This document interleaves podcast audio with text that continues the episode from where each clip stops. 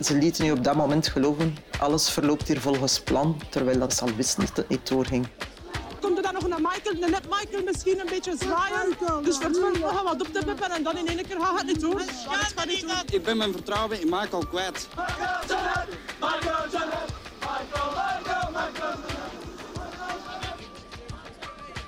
Stel, je hebt tickets voor een concert van jouw idool, een wereldster. Je kijkt er al maandenlang naar uit. Je gaat een dag op voorhand aanschuiven voor het concert, want je wil natuurlijk de beste plaatsen. Je vecht tegen de zon, tegen verveling en s'nachts tegen vermoeidheid en de kou.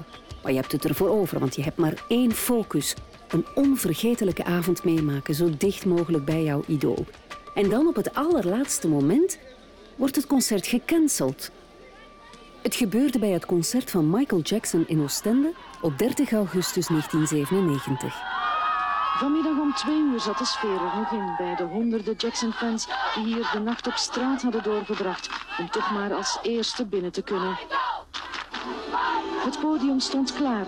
Het Rode Kruis, de security, de roadies, iedereen was paraat. Maar om half vijf krijgen de wachtende mensen het verdikt te horen.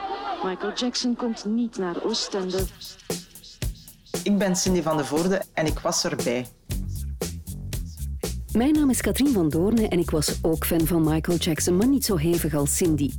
Als kind van de jaren 70 of 80 kon je eigenlijk moeilijk om Michael Jackson heen, want hij kleurde gewoon de soundtrack van je jeugd. Hij was immens populair. Michael Jackson was overal. In je favoriete weekblad, in de hitparades, op de televisie en zelfs ook in het journaal van 27 januari 1984. De toen nog kleine Cindy van de Voorde merkte wat voor een bijzondere man die Michael Jackson wel was. Ik ben eigenlijk fan geworden van Michael Jackson toen ik acht jaar was. Mijn ouders waren naar het journaal aan het kijken en toen gebeurde het ongeval dat Michael verbrand was door de Pepsi-spot en dat kwam in het journaal. Dus ze lieten zien dat hij werd afgevoerd met de 100. En ze lieten nadien een filmpje zien met zijn danspasjes en dat was echt, ja, ik zag dat. Ik zeg, damn, wat kan die allemaal? En van toen ben ik eigenlijk een beginnen volgen. Toen was dat nog de Joepie kopen, posters kopen, uh, LP's en zo. En zo is dat stilletjes aan begonnen.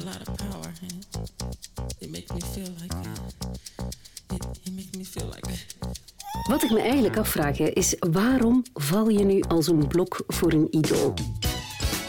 Wat doet Michael Jackson en zijn muziek met Cindy? Ik merk als ik daarover spreek met andere fans die, weet ik veel, Prince, uh, Lenny Kravitz, whatever, als idool hebben, die begrijpen dat beter. Maar dat is gewoon ja, zo een zalig gevoel als ik die mensen aan het werk zag. Ik kan dat heel moeilijk omschrijven, gewoon. Puur geluk, puur ja, genieten van zijn muziek, van zijn dansen. Dat is ook iets dat mij gelukkig maakt. Op het moment dat ik mij trist voel, dan kan ik zeggen, ja, ik zet een plaatje op, ik kijk een video en dan ben ik er weer door. Dus dat geeft energie gewoon. Michael Jackson heeft drie keer in België opgetreden. In 88 en 92 in Werchter. En op 31 augustus 1997 zou hij naar Oostende komen met zijn World History Tour. ik had zo het idee, als ik de kans heb om hem te zien, wil ik hem goed zien. Van op de eerste rij, of minstens toch wel goed vooraan. Maar ik heb geen zin om naar een concert te gaan en hem te zien zoals ik hem op tv zie. Dus dat moest altijd goed zijn en daar had ik wel wat voor over, ja. Dus ging Cindy één dag op voorhand al naar Oostende om aan te schuiven aan de ingang van de Wellington-renbaan waar het concert zou plaatsvinden. Ik ben naar Oostende vertrokken eigenlijk helemaal alleen. Mijn echtgenoot ging ook komen kijken, s'avonds naar het concert. Maar ja, die ging natuurlijk niet de nacht doorbrengen op straat. Maar ja, dat was geen enkel probleem. Je, je maakt daar direct vrienden, nog fans die er een volledige nacht zitten. Dus ik denk toch dat dat minstens 100 man was die er al zat.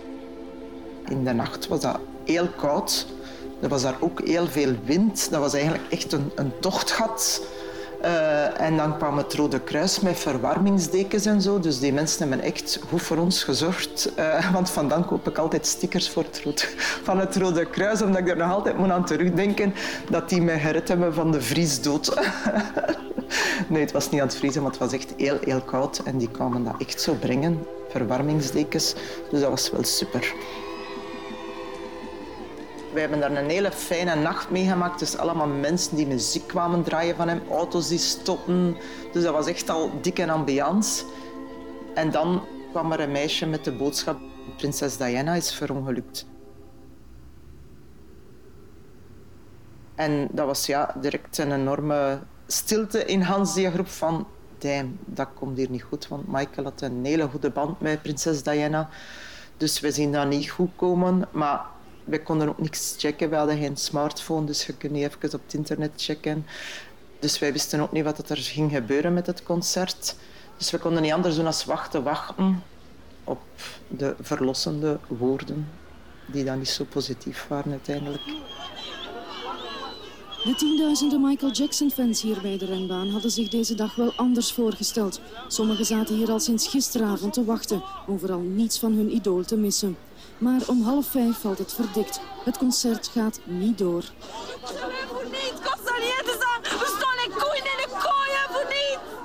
Sommige fans begrijpen de beslissing van Michael Jackson, maar anderen zullen zich voortaan ex-fan moeten noemen.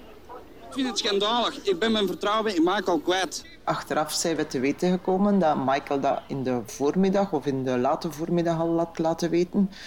Maar ze hebben ons daar toch nog een vijftal uren laten zitten terwijl dat ze eigenlijk al op de hoogte waren dat hij niet ging komen optreden. Immense teleurstelling natuurlijk, maar ook vooral veel woede op de organisatoren. We staan hier van gisteravond van kwart voor elf. Weet dat toch al lang dat dat gebeurt, dus kunnen ze dat niet onmiddellijk zeggen. Ze laten ons hier in die plakkende zon staan, wachten en nu zeggen ze dat, juist voordat we normaal moeten binnengaan, nu zeggen ze dat. Dan komt er dan nog een Michael, een net Michael misschien een beetje zwaaien. Dus voor het gaan we wat op te peppen en dan in één keer gaat het niet door. Het gaat niet door. Schandalig. Ik herinner mij nog dat ik gewoon op de grond zat en dat die cameraman, ja, die zei zo. En dat die dan op mij afkwamen om een eerste reactie.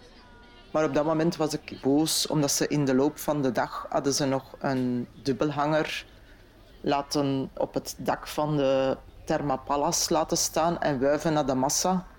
Terwijl dat ze al wisten dat het niet doorging. Dus dat was mijn boze reactie op dat moment. op dat moment.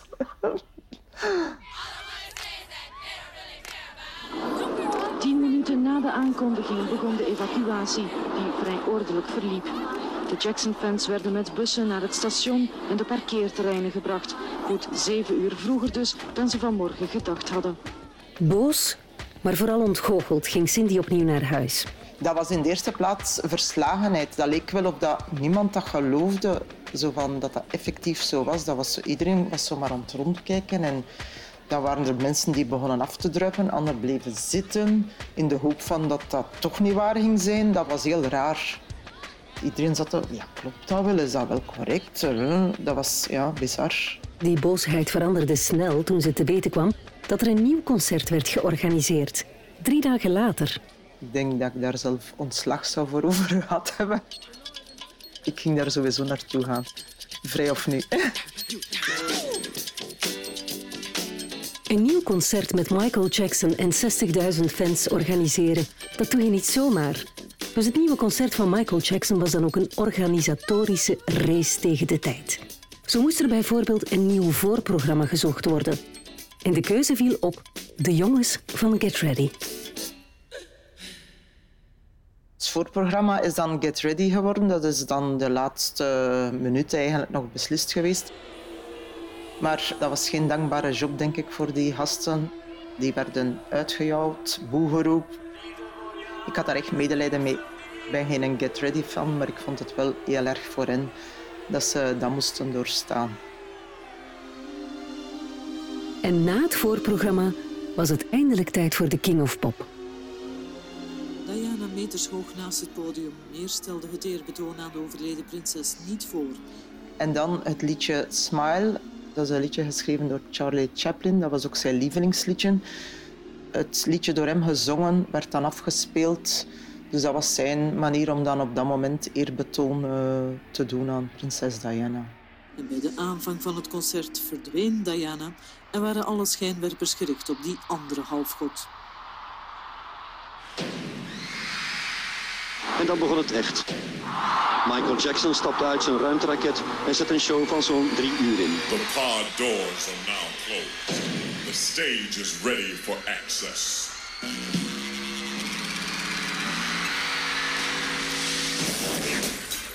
Oostende was de laatste etappe van de Europese tournee die Jackson maakte. En zoals dat meestal gaat bij concerten, waren de reacties van het publiek verdeeld. Ik wist dat de show in orde zou zijn en ik ben blij dat ik gekomen ben. Mooi. Wel, ik vond het een fantastisch optreden. Ja. Uh, je kan mooi dansen. Uh, ik ga niet zeggen uitstekend, ik vond het een klein beetje kitscherig soms. Maar als ik thuis laat mijn cd'tje afspelen, is het juist hetzelfde. We hebben een minuutje of twee, drie live gezond, is al. Die verdeelde reacties, ik denk dat dat wat eigen was aan Michael Jackson. you love him or you hate him. Maar de kritiek van playback, ik ben er zeker van dat hij liedjes zal geplaybacked hebben, want op dat niveau dansen en live zingen, twee uur aan een stuk, ik denk niet dat dat ene mens kan. Maar sowieso heel veel live. Dus uiteraard, ja, ik ben een beetje bevooroordeeld als fan, maar ik was toch heel blij dat ik hem gezien heb. Toen, die 3 september van 1997, was de laatste keer dat Michael Jackson in ons land optrad. Is Cindy na al die tijd nog altijd zo'n die-hard fan gebleven? Er is maar één King of Pop. Zin om verder te graven in dat collectieve geheugen? Luister dan zeker naar de volgende aflevering van Ik was erbij. Was je zelf bij een bepaalde gebeurtenis en wil je erover vertellen? Stuur dan een berichtje naar ikwasεrbij.radio2.be.